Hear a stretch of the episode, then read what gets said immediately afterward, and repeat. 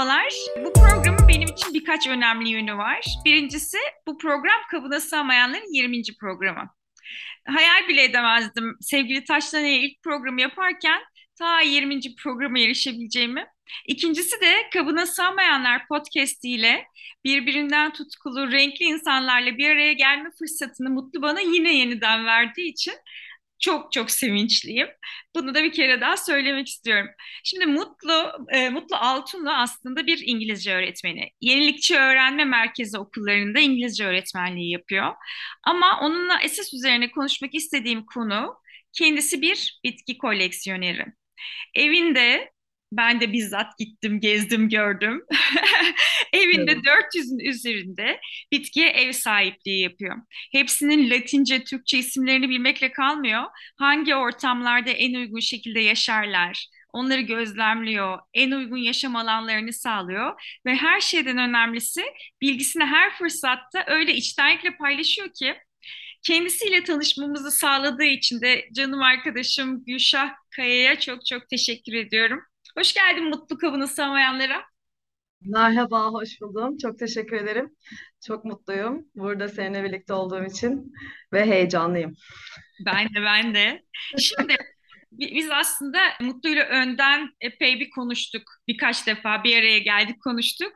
Ama sizler de dinleyin çok istiyorum. Her şeyden önce içine doğduğun ortamı anlatır mısın Mutlu? Bu bitki severlik aileden mi geliyor? Evet, güzel bir soru. Kendimle ilgili bir şeylerden bahsetmekten çekiniyorum. Daha rahat olduğum alan bitkilerden bahsetmek belki. Aklıma gelen bazı tabii figürler var.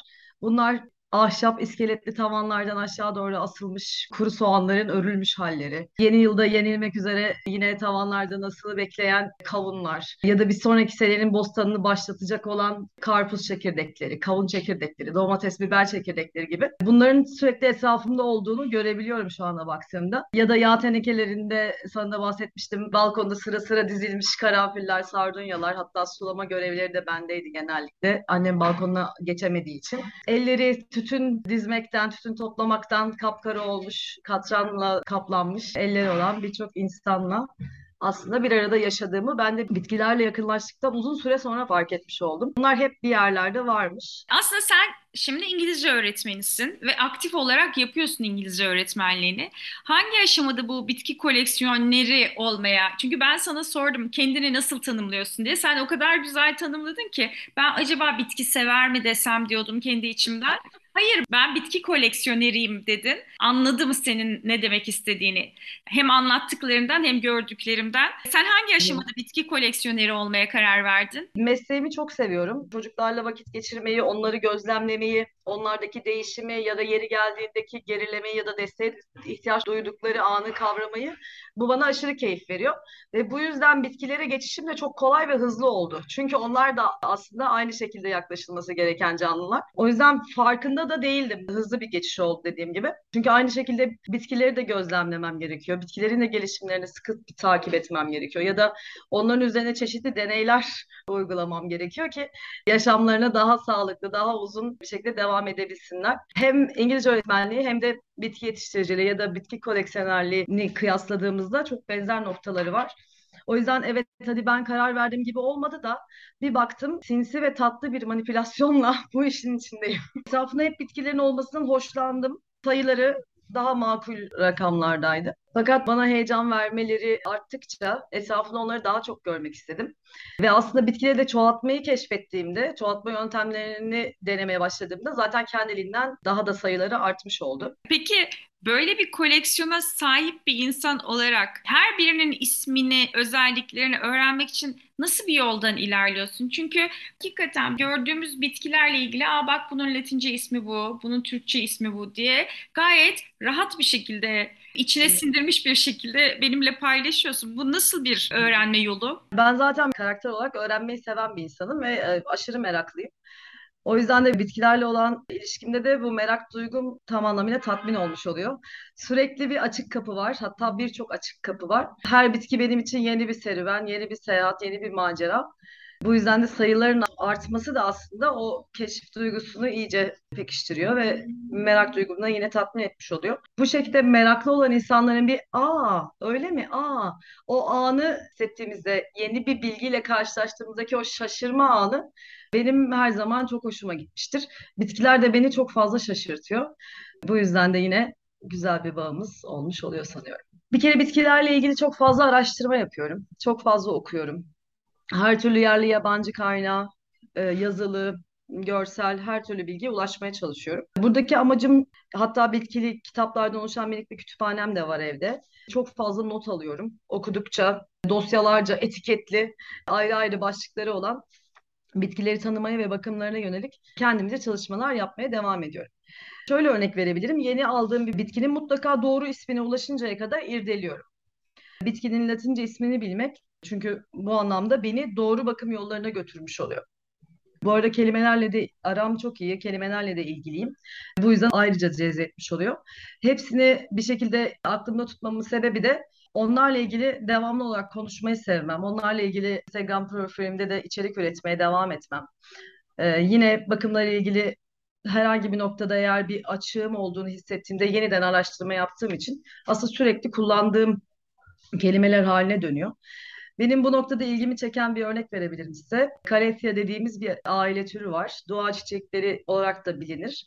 Calesia İngilizce sepet demek ve Orta Amerika'da Calesia'nın dallarından gerçekten de sepetler örerek kullanıyor insanlar. Ve bu, bu bilgi benim hayatıma nasıl yansımış oluyor? Bunu öğrendiğimde ben aa öyle mi diye yine tabii heyecanla şaşırarak ve sevinerek Kaletyam'ın yanına gidiyorum ve gerçekten de kendiliğinden yaşlıktan dolayı sararmış yapraklarını ya da fazla sulamadan ötürü sararmış yapraklarını elimle çekip koparamadığımı fark ediyorum. Çünkü o kadar güçlü ki yaprak sepet üretiminde kullanılmaya da müsait bu anlamda. Bu noktada ne yapmam gerekiyor benim? Onu keserek anne bitkiden ayırmam gerekiyor.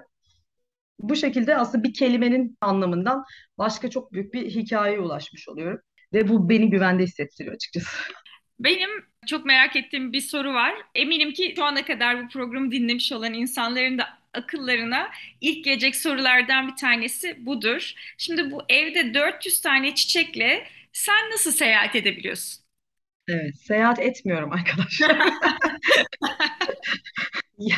Yani evden çok fazla uzun süre boyunca uzaklaşmayı çok istemiyorum. Zaten de yapamıyorum. Kısa seyahatler planlayabiliyorum. En fazla bu arada bu kadar bitkiyle evet 7 gün evden uzaklaşabiliriz. 7 günden fazla evden uzaklaşırsak eğer ya gerçekten bitkilerden iyi anlayan insanları etrafınızda tutmaya devam etmeniz gerekiyor. Ki onlara anahtar verip sizin yokluğunuzda gelip onları ziyaret etsinler ve ihtiyaçlarını karşılamaya çalışsınlar. Ya da tabii zaman içerisinde öğrendiğim çeşitli yöntemler var tatile gitmeden önce. 7 gün süreyle bile olsa ya da 10 gün boyunca evden uzak kalmış olacağımı planlamış olsam bile bazı yöntemlerle bitkilerimizi bir 10 günlüğüne evde yalnız bırakabiliriz en fazla. İsterseniz onlardan bir iki örnek verebilirim. Akılda kalıcı da olabilir. Benim nem tepsileri diye adlandırdığım tepsiler var. Özellikle nem seven tropik bitkilerim için uyguluyorum bunları nem seviyesinin sürekli yukarıda olmasını ister onlar. Nem tepsilerini şu şekilde hazırlıyorum. Genişçe tepsilerim var benim, viyol tepsileri olarak geçen. Onların içerisinde su ve taş ya da ponza taşıyla dolduruyorum. Ve nem özellikle nem seven bitkilerimi o, taşların üzerine oturtuyorum. Buradaki püf noktamız sadece şu. Saksının en dibi ve dolayısıyla kökte en alttaki kökler suyun içinde çok fazla kalmayacak. Sadece taşların üzerinde olması bizim için yeterli olacak. Oradaki amacımız etraflarındaki nem seviyesini arttırmak, bir yandan da aslında susuzluklarını gidermek. Pamuklu iplerden bir düzenek oluşturuyoruz. Yine saksıları hayal edin. Genellikle hepsini bir araya topluyorum ki nemi paylaşabilsinler, birbirleriyle yardımlaşabilsinler diye. Bir araya topladığım saksıların etrafına da içleri su dolu kovalar yerleştiriyorum. Ve pamuklu ipleri de kovaların içine yerleştirmiş oluyorum. İpin diğer ucunu da her saksının toprağına saplıyorum. Bu şekilde zaman içerisinde yavaş yavaş bitki aslında o kovanın içindeki suyu pamuklu ip yardımıyla bünyesine katmış oluyor. Ama bunların hepsi tabii geçici çözümler. En iyisi bitki sevdiğini hissettiğiniz birisini yakından hayatınıza almayı sağlamanız diyebilirim. En iyisi hiç hareket etmemek diyorsun aslında. En iyisi hiç hareket etmek, evet. Seyahat etmeyin. Bu anlamda da şöyle aslında kendimi ikna ediyorum. Bitkilerle yaşam başka bir yaşam stili. Bunu en baştan her ne kadar belki de farkında olmadan içine girmiş olsak da bunu da olduğu gibi kabul edip bana zaten birçok şey katıyor ve veriyor bitkiler. Ben de onlar için bunu yapmış oluyorum. Peki bitki koleksiyonerliği bir aşamadan sonra başka noktalara evrildi, değil mi? Sen kendin de onları üretmeye başladığından bahsettin. Hem onlar var, bir de sen anlatmayı, paylaşmayı çok seviyorsun. Özellikle Instagram ve Twitter varlığıyla Plant Police hesabı ve sonrasındaki süreçleri de senden dinlemek istiyorum. Böylesine anlatmayı, paylaşmayı seven bir insan olarak etkileşiminin bu konuya ilgi duyan insanlarla hangi aşamalara geldiğini, bunların hepsinin detaylarından da bahseder misin? Tamam, tabii ki. Evet, süreç içerisinde aslında kendi yolunu bir şekilde buldu. Bitkilerin sadece fotoğraflarını çekmekle başlamıştı 2018'de Plentiful hesabı. Fotoğraflarını çekerek, onları paylaşarak, aslında bir nevi arşivleyerek, gelişimlerini de arşivlemiş oluyordum. Bu şekilde ilerlerken yıllar içerisinde edindiğim tecrübelerle bitki bakım ya da işte bitki türleriyle ilgili bilgiler verme yönünde ilerleyen bir profile dönüşmüş oldu aslında Instagram hesabımda. Yani kişisel Instagram hesabımda sürekli bitkili hesapları, bitki bakımı ile ilgili hesapları takip ettiğimi fark etmiştim. Sene 2018'di. Ve bir gece sabaha karşı dedim ki ben de bu plant community'nin içinde olmak istiyorum, bu bitki topluluğunun. Ve o zamanlarda Covid öncesi Türkiye'de de Türkçe bitki hesabı yoktu. Birkaç kişiydik en fazla. Ve o gece beni çok heyecanlandırmıştı. Hızlıca bir isim bulmam gerekti. Bir, yeniden bir karakter yarattığımı hissettim. Başka bir personaya bürünmüş gibi hissettim aslında kendimi. Ve bir, bir şekilde bir, bir şeylerin bir dönüm noktası olduğu da belliydi o geceki heyecanımdan aslında. Ve 2018-2019 arası bitkilerimin evde edindiğim ve sayısı gittikçe gün gün artan bitkilerimi fotoğraflarını çekerek Instagram profilime koyarak devam etmiştim. Ve geriye dönüp baktığımda aslında o ilk paylaşımlarımda hiçbir şekilde açıklama yazmamışım, yazamamışım. Ne diyeceğimi hiçbir şekilde bilememişim. Çünkü kendini açmak da farklı bir şey o tip bir sosyal ortamda. O da zaman içerisinde aslında evriliyor. Fikirlerimden mi bahsedeyim, hislerimden mi bahsedeyim, işte bitkinin türünden ya da onunla ilgili bakım ipuçlarımı vereyim derken tabii tecrübe de bana güven verdi zamanla. Şimdiki son paylaşımlarıma bakıyorum. Hani yaza yaza bitmiyor. Artık yorumlara falan ekliyorum açıklama kısmını. Orada da kendi kişisel tarihimi kaydetmiş oluyorum aslında bir nevi. O da benim çok hoşuma gidiyor. Bu süre içerisinde yani 2018'den beri işte 4 yıl olacak. Ekim ayında 3 Ekim'de açmıştım. İyi hatırlıyorum. Ve bu sürede birçok güzel insanla tanıştım. Birçok bitki sever arkadaşım, dostum oldu. Birçoğuyla yüz yüze görüştüm. Mesafeleri aştık. Onlarla bitki paylaşımları, bitki bakım paylaşımları dışında birçok güzel insanla tanışma fırsatım oldu. Birbirimizi bitki bakımı anlamında, yeni türler keşfetme anlamında, birbirimize her anlamda destek olma konusunda çok iyi beslediğimizi düşünüyorum. Hep bir arada olmayı sevdiğimiz, yazarak, ses kaydıyla ya da kimi zaman görüntülü toplantılarla buluşup birçok yeni dünyanın da, yeni insanın da kapısını açtı aslında bitkiler bana. Onlar için de kendilerine çok minnettarım. İçerik üretmek diye bir olgu var şu anda benim hayatımda ve bir içerik takvimim var.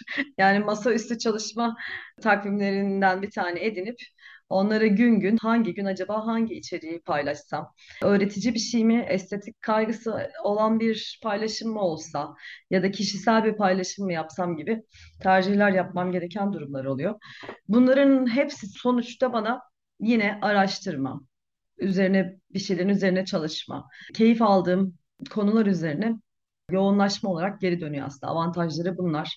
Neden seviyorum, neden devam ettiriyorum bu etkinliğimi diye düşündüğümde bu tip cevaplar veriyorum kendime. İnsanlardan nasıl geri bildirimler alıyorsun? Bu sıcak iletişimi daha çok tercih hmm. ediyorum dedin ya. Hatta seninle konuşurken sen şöyle bir şey söylemiştin. Benim eylemlerimden insanlar bir davranış kazanıyor demiştin. Ah gerçekten çok iddialı olmuş. Güzel. Güzel evet. Yani şöyle oluyor aslında yakın bir çember ya da işte o iç çemberin bir dışında bir çember daha hayal ettiğimde birçok insanı etkilediğimi görüyorum evet. Esin kaynağı olduğumu hissediyorum ama aynı zamanda tabii ki ben de insanlardan esinleniyorum. Ama o küçük dokunuşlar çok hoşuma gidiyor. Yani kullandığım bir kelimeyi bile yine başka bir yerde tekrar görüyorum. Bilinçli ya da bilinçsiz bir şekilde ilerliyor bu. Destek oldum birilerine hatta birilerine kısmını geçiyorum. Birçok bitkiye destek olduğumun farkındayım. Kurtarılmaya ihtiyacı olan bitkilerin fotoğraflarıyla doluyor aslında mesaj kutum genel olarak. Çünkü yazarak bir şey sorduklarında bitkinin konumunu ve durumunu hayal etmekte zorlandığım anlar oluyor. O yüzden video ya da fotoğraf istediğimde o bitkiye bakım konusunda daha fazla destek olabildiğimi hissediyorum ben de. Kendi etki alanımı yaratmak keyif veriyor bana evet. BTK 101 Ah buluşmalarınız. evet Evet, birazcık da onlardan bahsetsene. evet o çok çok keyifli bir süreç bizim için. 2022 bitkinin kısaltılmışı. evet Evet. Bitkinin kısaltılmış.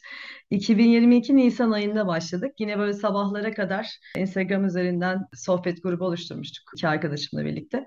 Onlarla sabahlara kadar bitki bakımı üzerine fikir alışverişleri yaptığımızı fark ettiğimiz bir geceydi yine. Ve ben de dedim ki Instagram üzerinden neden bitki bakımı ile ilgili bir canlı yayın serisi yapmıyoruz? Hadi yapalım dedim. Onlar da bunu çok güzel karşıladılar. Ve bir an önce posterlerimizi hazırladık, konumuzu belirledik. Zaten yüzlerce fikir havada uçuşuyordu. Başladığımız an verimli olacağını sinyallerini çoktan vermişti. Ve Nisan ayından beri 10 kez buluştuk. 10 gece boyunca aralıklarla. Instagram üzerinden BTK 101 diye adlandırdığımız başlangıç serisi bitki bakımı diye düşünebiliriz. Program serisine başlamış olduk ve inanılmaz keyif aldık. Şu an biraz okullar açıldı, işte yaz tatili gibi bir, bir aylık ara vermiş olduk. Ve hepimiz için keyifli bir süreçti. O anda tabii bir sürü tanıdığımız ya da tanımadığımız arkadaşlarımız girip çıkıyor canlı yayına. Mesajlarla alttan onlar da interaktif bir şekilde katılmış oluyorlar. Ve yine benim kendi açımdan bana katkısı yaşadığım tatlı heyecanın işte bitkilerle ilgili paylaşımlarda bulunmanın verdiği mutluluğun yanı sıra o hafta için belirlediğimiz konu her neyse ben tabii onun üzerine sayfalarca araştırmalar yapıyorum, okumalar yapıyorum, izliyorum. Acaba daha başka ne söyleyebilirim ya da işte benim bilmediğim daha ne var onun üzerine ekliyorum. Tabii ki birçok şey var. Bu tip araştırmalarda yine daha iyi bir noktaya gelmemi sağlıyor aslında. Tabii tabii yani bu aslında bir nevi insanı hı, sistematik okumaya meyletmesini sağlıyor ki bu çok ihtiyacımız olan bir şey. İnsan bazen o iç motivasyonu bulamadığı noktada bu biraz hı. böyle tatlı bir dış motivasyon oluyor böyle şeyler bence. Evet, evet gerçekten öyle. Bu arada arkadaşlarım da Negarn bitkileri ve Green Hippocampus. Onları buradan el sallıyorum. Onları çok seviyorum ikisini de. En yakın zamanda yeniden programımıza lütfen devam ediyoruz arkadaşlar. Çocukları okula gönderdik mi? Gönderdik. Ee, onlarla da çok keyifli bir paylaşımımız oluyor. Peki bu mecralarda başka neler yapmak istiyorsun? Çok çok fazla planım var benim. Zaman yetmiyor gerçekten ama en yakın zamanda gerçekleştirmek istediğim birinci fikrim bir YouTube kanalı açmak. Kendimi çok videoya çektim. Merhaba arkadaşlar, bugün Monstera Deliciosa bakımından bahsediyoruz. Yok hayır. Selam, merhaba tarzında böyle giriş denemeleriyle çok kayıt altına aldım kendimi. Bir bitki bakımı, bitki çoğaltma ve bitki türleri üzerine konuşacağım. Bir YouTube kanalı planım var yakın zamanda. Umarım yapacağım. Çünkü evde hikayesini paylaşabileceğim çok fazla çeşitlilikte bir bitki seçkisine sahip olduğum için bunları da insanlarla paylaşmak istiyorum. Instagram ve YouTube bizim görsel açlığımızı tatmin ediyor. Evet. Ama aslında görme duyumuz aslında bizim en son gelişmiş olan ama şu anda modern dünyanın getirisi olarak düşünebiliriz belki bunu. Sanki en önemli duyumuz gibi algılanıyor. Ama bunun ötesinde bizim şu anda yapmaya çalıştığımız oluşumda olduğu gibi bizim işitme duyumuz bize daha sadık. Bu anlamda podcastler artık yeni nesil radyoculuk mu diyelim. Bu anlamda bunu yükseltiyor diye düşünüyorum ve desteklenmesi gerektiğini düşünüyorum. Ve görselleri ortadan kaldırdığımızda acaba sesimizle, seslerimizle nasıl var olabiliriz? Onu tecrübe etme kısmı da çok güzel. Ve daha çok işitsel olan insanlara hitap ettiğini düşündüğüm için ben de podcast denemek istiyorum. Podcast serisi yine bitki bakımı üzerine. O başka bir planım. Ben de o zaman Deniz'i davet edeceğim programıma. Seve seve seve seve. Onun dışında yurt dışında oldukça yaygın olan bu kitchen herbs dediğimiz yani mutfakta taze taze kullanabileceğimiz taze otlar kasaları diye hayal ettim ben. Taze otları tohumdan yetiştirip tam büyümek üzereyken insanlara sahiplendirmeyi hayal ettiğim bir projem var. Kendim evde denedim. Birçoğunda başarılı oldum ama kimyasal ilaç kullanmamaya direndiğim için bazılarını kaybettim. Ama ilerleyen zamanlarda bu kitchen herbs yani her mutfakta taze taze kullanabileceğimiz otlar kasası diyebiliriz. Onları insanlarla buluşturmayı istiyorum. Aynı zamanda geçtiğimiz yıl Aralık ayında ev halkı yani oğlum ve eşimin ısrarları ve itirazlarıyla artık evde yürüyecek yer kalmadı, işte çok fazla bitki var gibi şikayetleriyle bitkilerimi azaltma yoluna gitmiştim. Yani denedim bunu yapmayı. Fakat onlardan ayrılmam çok zor oldu. Hatta ayrılamadım. Anne bitkilerimden özellikle saksılı bitkilerimden. Ve yine Instagram'da kurduğum dostlarımın da desteğiyle, bana verdikleri motivasyonla aslında bitkilerimin bir kısmını başka türlü bir yolla sahiplendirebileceğim kanısına vardım. Bu da aslında yine plant cuttings diye geçer genel olarak. Bitki çeliklerinden yani anne bitkiden ayırmış olduğum temiz bir bıçakla temiz bir makasla ayırmış olduğum herhangi bir bitki aksamı bu bir yaprak olabilir, bir dal olabilir. Onu suda ya da farklı bir materyalde köklendirerek insanlara sahiplendirmeye başladım. Ayrı bir Instagram profili açtım bunun için. Plant Policies Plants oldu o. Ve bir Shopier mağazası ekledim oraya. Ve aslında inatla bitki çeliği sahiplendirme sürecine girmiş oldum. Ve şu anda hala da keyifle devam ediyorum. O bana çok ayrı bir tatmin veriyor ve başarmış hissediyorum. Çünkü hayatın merkezine koyduğum bir ilgi alanım var.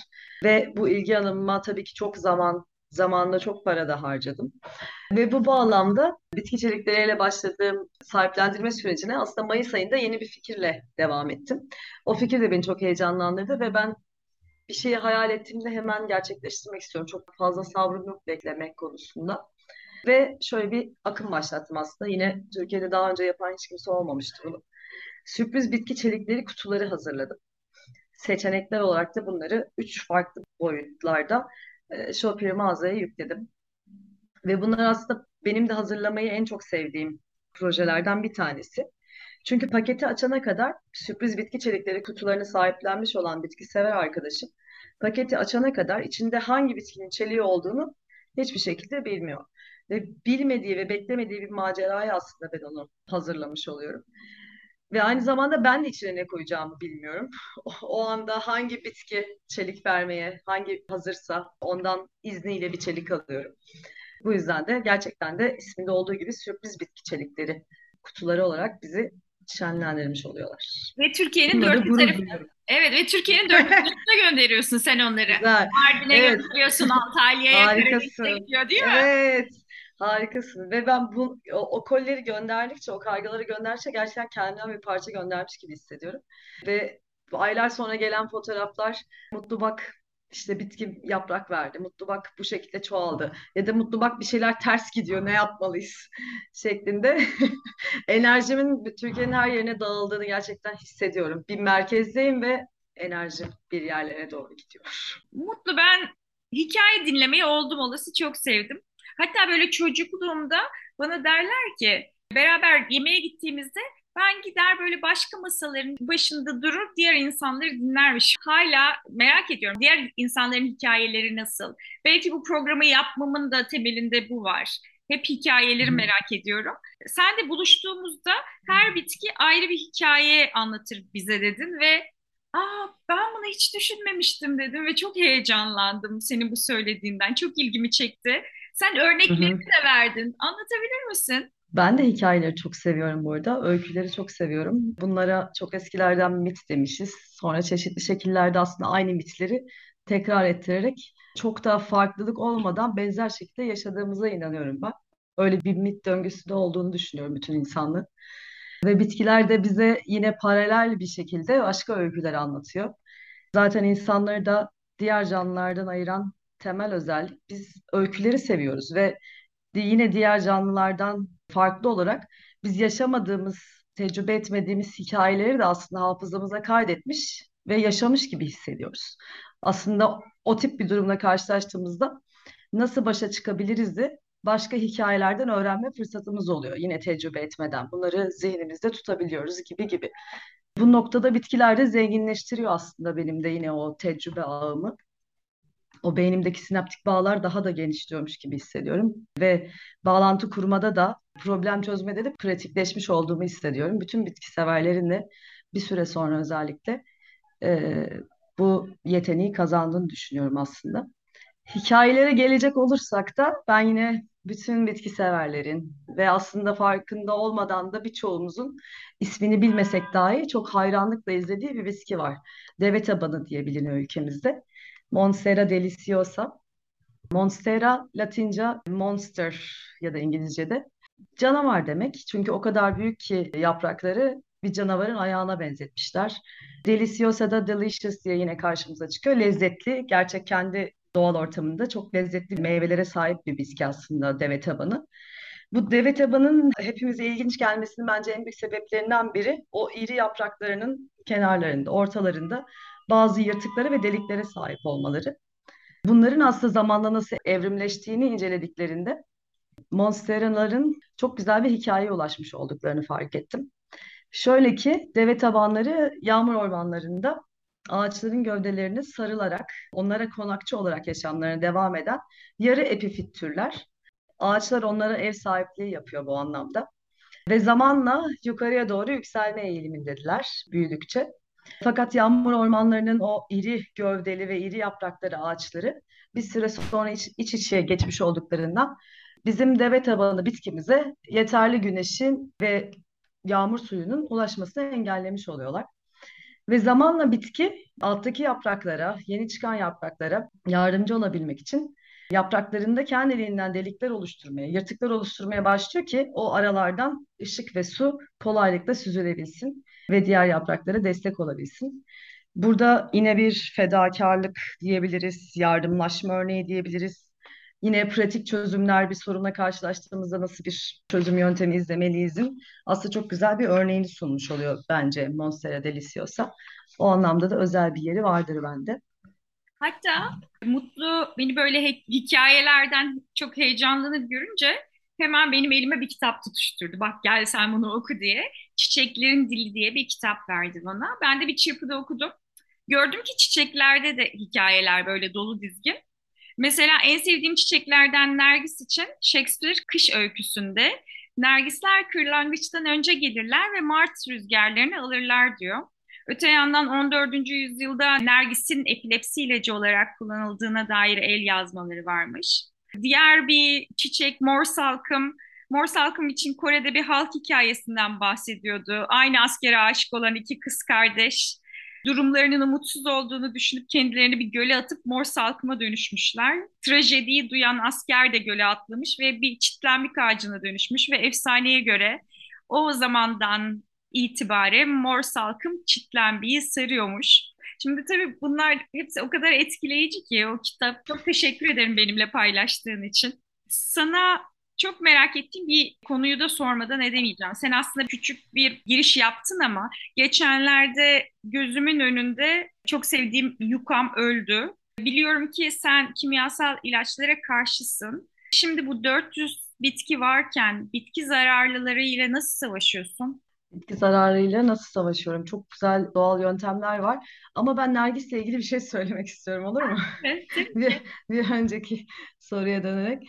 Nergis çiçeğinin de çok güzel bir hikayesi var. Aynı zamanda mitoloji de çok sever çiçekleri ve onlara göre birçok bitki ya bir tanrının ya da bir yarı tanrının ölümünden sonra topraktan fışkırmasına bağlıyorlar aslında. Onlara göre de öyle çok hikaye var. Ama ben özellikle Nergis'i Narkissos'la eşleştirilmiş olan hikayesini de seviyorum. Narkissos'un kendini çok beğenmiş, başkasıyla kıyaslanamayacak derecede beğenmiş hali nasıl bir sonla bitiyor o kısmı aslında bir nevi öğüt verici bir hikaye. Nedir o da? Narkisos kendini çok beğenmiş biridir ve dağ perilerinden biri olan Eko'ya aşık olur.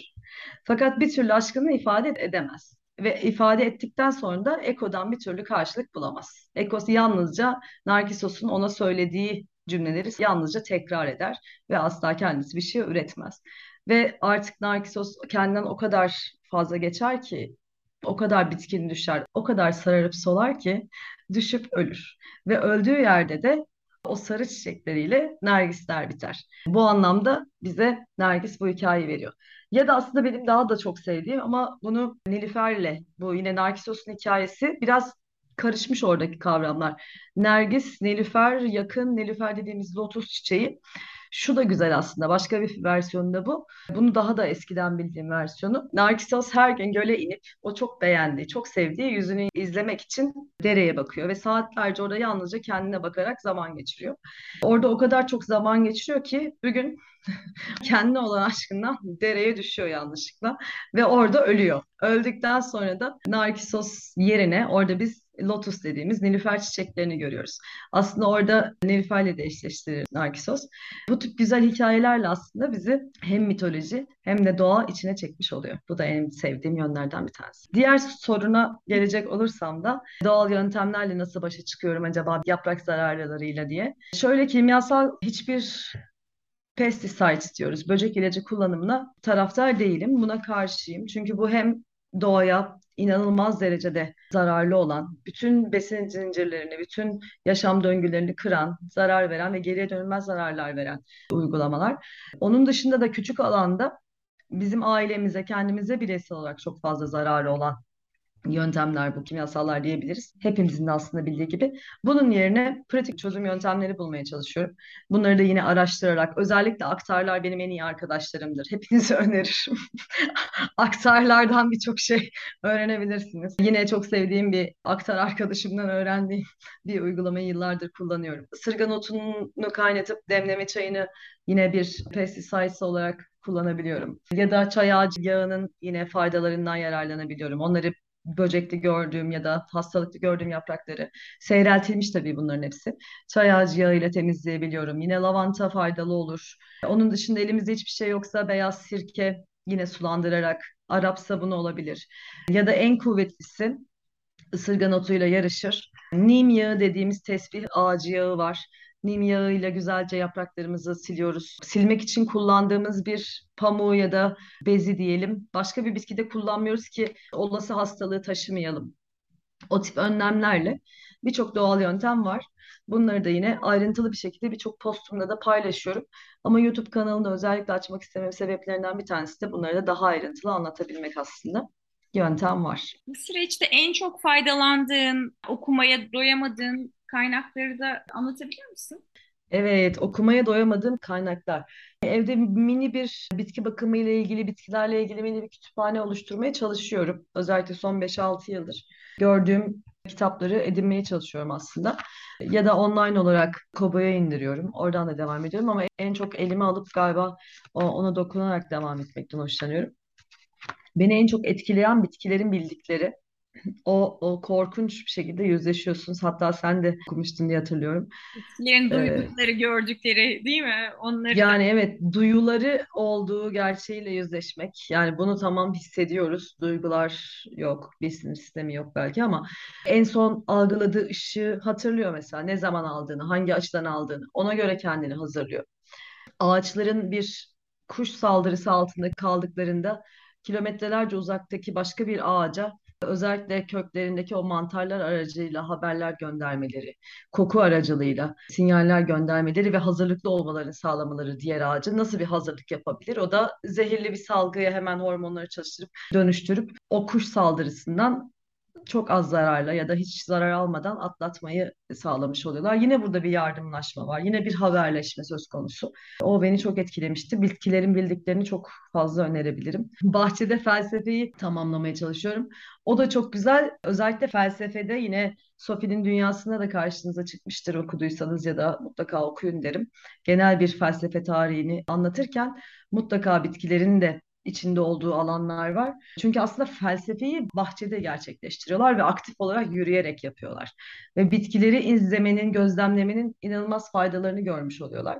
Ve bahçenin aslında o garden dediğimiz olayın insanı ve doğayı insan eliyle sınırlandırılmış en yakın bir şekilde buluşma noktası haline getirebildiğimiz alanlar aslında bahçeler öyle adlandırıyorlar. İnsan ve doğanın en yakın olduğu alan diyebiliriz kısaca. Çünkü doğanın bir payı var, kendini sunuyor. İnsanın bir payı var, etrafını bir şekilde kapatmış oluyor. Bu gerçek doğadan nasıl bir farkı var bahçenin? Benim de evde yarattığım bitkili ortama bahçe diye adlandırabiliyorum burayı. Şöyle bir farkı var. Daha farklı deneyler yapabiliyorum. Doğada olması mümkün olmayan belki birleşmeleri, karşılaşmaları gerçekleştirebiliyorum ve daha yakından izleyebiliyorum. Bu anlamda bahçede felsefeyi de özellikle öneririm ve kendi bahçelerimizi oluşturma fırsatını kendimize vermemiz çok büyük bir lüks bence. Bir an önce oluşturun derim eğer henüz oluşturmadıysanız. Onun dışında birkaç tane kitap daha önerebilirim. Ağaçların Gizli Yaşamı, Bir Bilim İnsanının Tutkulu Hikayesi, Pencere Önü Bahçıvanı, Biyo İnovasyon, Bitkiler Ne İster, Bitkilerin Yaşamı, Bitkilerin En Güzel Tarihi, Bitki Mitosları, yine hikaye ve öykü sevdiğimiz için. Bahçıvanlar için Koca Karı ilmi. Bahçıvanlar için Koca Karı ilmi de çok güzel. Bu hani doğal yöntemler dediğimiz aslında yöntemleri yüzyıllar içerisinde deneye yanıla derleyip toparladıkları Bahçıvanlar için Koca Karı ilmini de öneririm. Hatta şu ağaçların gizli yaşamının çocuklar için olan versiyonu da var. Aa harika. Evet, o da o kadar güzel ki biz uzayla onu defalarca okuduk. Daha Hı hı. tabii ki resimli, daha büyük yazılı ama içerik hı. olarak Ağaçların Gizli Yaşamı kitabına çok sadık kalmış. Zaten hani aynı hı. sadece daha basitleştirerek anlattıkları, daha soruları ön planda tuttukları çok güzel bir kitap olmuş. E, Çocuklar çok Harika. keyifle dinliyorlar. Bitkilerin bildiklerini de uzayda bitkilerin bildiklerini oku dedi. Ben gecelerce ona bitkilerin bildiklerini okudum mesela. Çok ilgisini Hı hı. çekiyor. Çocukların da çok ilgisini çekiyor o kitap. Çok güzelmiş. Sevindim. Ben de o versiyonu edinmek isterim. Ama Uzay gerçekten doğa zekası çok belli bir çocuk. Ben de tanıştım. Onunla evi dolaşma keyfine eriştiğim için çok mutluyum. Umarım tekrarlayacağız. Evet, inşallah. Şimdi son olarak sana Kabına Sığamayanlar programına katılan herkese sormaktan çok keyif aldığım soruyu sormak istiyorum. Bir kabına sığamayan olarak senin bir kabına sığamayan olduğun aşikar. Her şeyden önce İngilizce öğretmenisin. Yetmemiş. İşimdeyim, gücümdeyim deyip onunla baş başa kalmakla birlikte kendini bitki alanında fazlasıyla ileriye taşımaktasın hala. Bundan sonraki aşamada ne var? Bir kabına sığamayan olarak bundan sonraki hayallerini çok çok merak ediyorum. Bu bitki dünyasına dair hayallerini merak ediyorum. Bir dünya seyahatine çıkayım mı değil de zaten çıkamayacaksın. Başlıyormuş. Zaten çıkamayacaksın. Tayvan'a gitmek isterim yani. Tropik bir adaya gidip tropik bitkiler toplamak isterim evet. Ya da Akdeniz'de çeşitli opuntiyaları falan yakalamak isterim. Bir kabına sığamayan olarak ki bu sıfatı çok sevdim gerçekten. Birçok yerde kullanıyorum, kullanacağım. Tabii seni de refere ederek daha çok bitkiye sahip olmak. Bu çok çılgınca geliyor olabilir ama gerçekten daha çok bitkiye sahip olmak inanamazsınız. Listem çok uzun ve bekliyorum. Hani doğru zamanı bekliyorum. Olacak diye düşünüyorum. Ama sonu yok bunun, o da ayrı. Ben hep şöyle diyorum, deney alanımı o gün de sana da söylemiştim, laboratuvarımı genişletmek diyorum. Hani çünkü burada gerçekten onlar üzerinde çalışıyorum, birlikte çalışıyoruz ya da öyle daha iyi olur. Haksızlık etmeyeyim onlara. Bitki çelikleri sahiplendirmeye devam etmek istiyorum. Yine mesleğime devam ediyorken de. Bahçıvanlık kursu sertifikam var bu arada. Ondan bahsetmeyi unutmuştum. E, Nezahat Gökyiğit Botanik Bahçesi'nde Edinburgh Royal Garden onaylı bir Step One Gardener'ım arkadaşlar. Birinci seviye. Ve ikincisini de umuyorum ki yıllar sonra artık zamanım olduğunda, daha geniş bir zamanım olduğunda İngiltere'de almayı planlıyorum ikinci aşamasını. Ki çok sıcaklar bu konuda onlar da ülke olarak. Onun dışında halen Anadolu Üniversitesi'nin bahçe tarımı sertifika programına devam ediyorum. Ve seninle görüşmemizden sonra yeni bir program daha ekledim kendime. Denizciğim, iç mekan bitki yetiştiriciliği İstanbul Belediyesi'nin yaptığı İstanbul Enstitü diye geçiyor. Onun bir kursu olacak. Eylül ve Aralık ayları arasında uzunca bir süre gerçekleşecek. Ona da başlayacağım 24 Eylül'de. 25 Eylül'de. O da beni çok heyecanlandırıyor. Yeni bir sertifika daha, yeni bir eğitim fırsatı daha yakaladığım için çok mutluyum. Bir yandan da sosyoloji 3. sınıfta devam ediyorum. Uzaktan eğitim İstanbul Üniversitesi AUZEF. Yine sosyolojiyi de bitirmek istiyorum ve bunun üzerine aslında sürekli değişiyor benim isteklerim ama e, bitkiler üzerine daha fazla okumalar yaparak şöyle bir birleşme sağlamam lazım benim. İçinde sosyoloji olacak, bitkiler olacak ve bir şekilde edebiyat olacak. Bu yüzden kendime karşılaştırmalı edebiyatta yüksek lisans yapma hedefi koydum. Ki şunu yapmaya çalışacağım. Bugüne kadar ki edebi kaynaklarda, edebi eserlerde doğayı yakından incelemiş biri olarak o zaman daha da fazla artacak tecrübem tabii. Sanat eserlerini bu açıdan incelemek. Yani içinde bir şekilde bir bitki yakalamak. Bir hikaye anlatılırken o hikayedeki var olan bitkiyi çekip çıkarmak ve neden orada olduğunu anlamaya çalışmak. Belki bir sembol olarak kullanılıp kullanılmadığını irdelemek istediğimi fark ettim. Karşılaştırmalı edebiyat olacak. Sosyoloji bittikten sonra umuyorum. Ama içerisinde bir şekilde doğayı ve bitkileri de katmayı sağlamaya çalışacağım. Böyle bir hedef belirledim kendime. Beş yıllık kalkınma planım bu.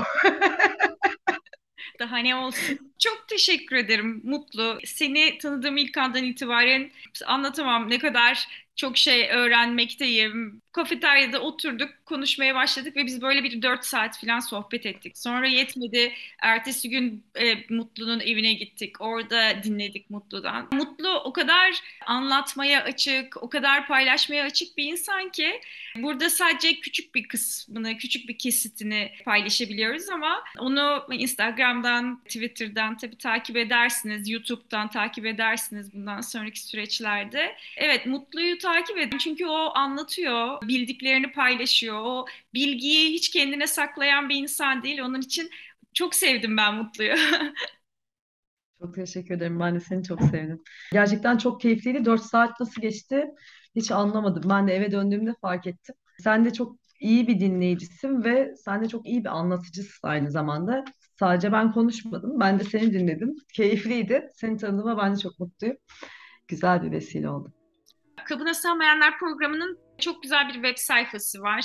Bunu bundan önceki programlarda bazen söylemeyi unutmuş olabilirim ama www.kabinasığam yumuşak g, g oluyor sığamayanlar.com web sayfası üzerinden de dinleyebilir dinlemek isteyenler. Onun dışında Spotify, Apple, Podcast, Overcast uygulamaları üzerinden de dinlenebiliyor.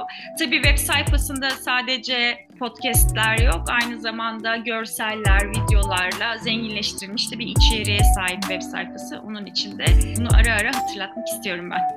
Oo süpersin. Çok teşekkür ederim katıldığın için programa. Rica ederim. Görüşmek üzere. Herkese sevgiler.